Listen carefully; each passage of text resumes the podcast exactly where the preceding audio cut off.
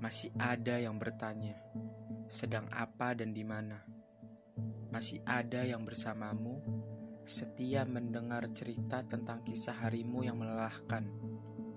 Berpegang untuk menguatkanmu saat rapuh, bertahan menunggumu saat senja yang berganti dengan malam. Atas semuanya, ternyata kamu membiarkan dia berjalan sendiri dengan segala ego yang terus mendangak tinggi menghadap langit. Diri yang tak menimbang hati dengan akal secara manusiawi. Pada akhirnya, dia yang sudah berusaha bertahan pergi tanpa ada kata kembali. Teruslah kamu bermain-main sampai cukupmu penuh, sampai hatimu jerah, sampai rasamu terasa hampa.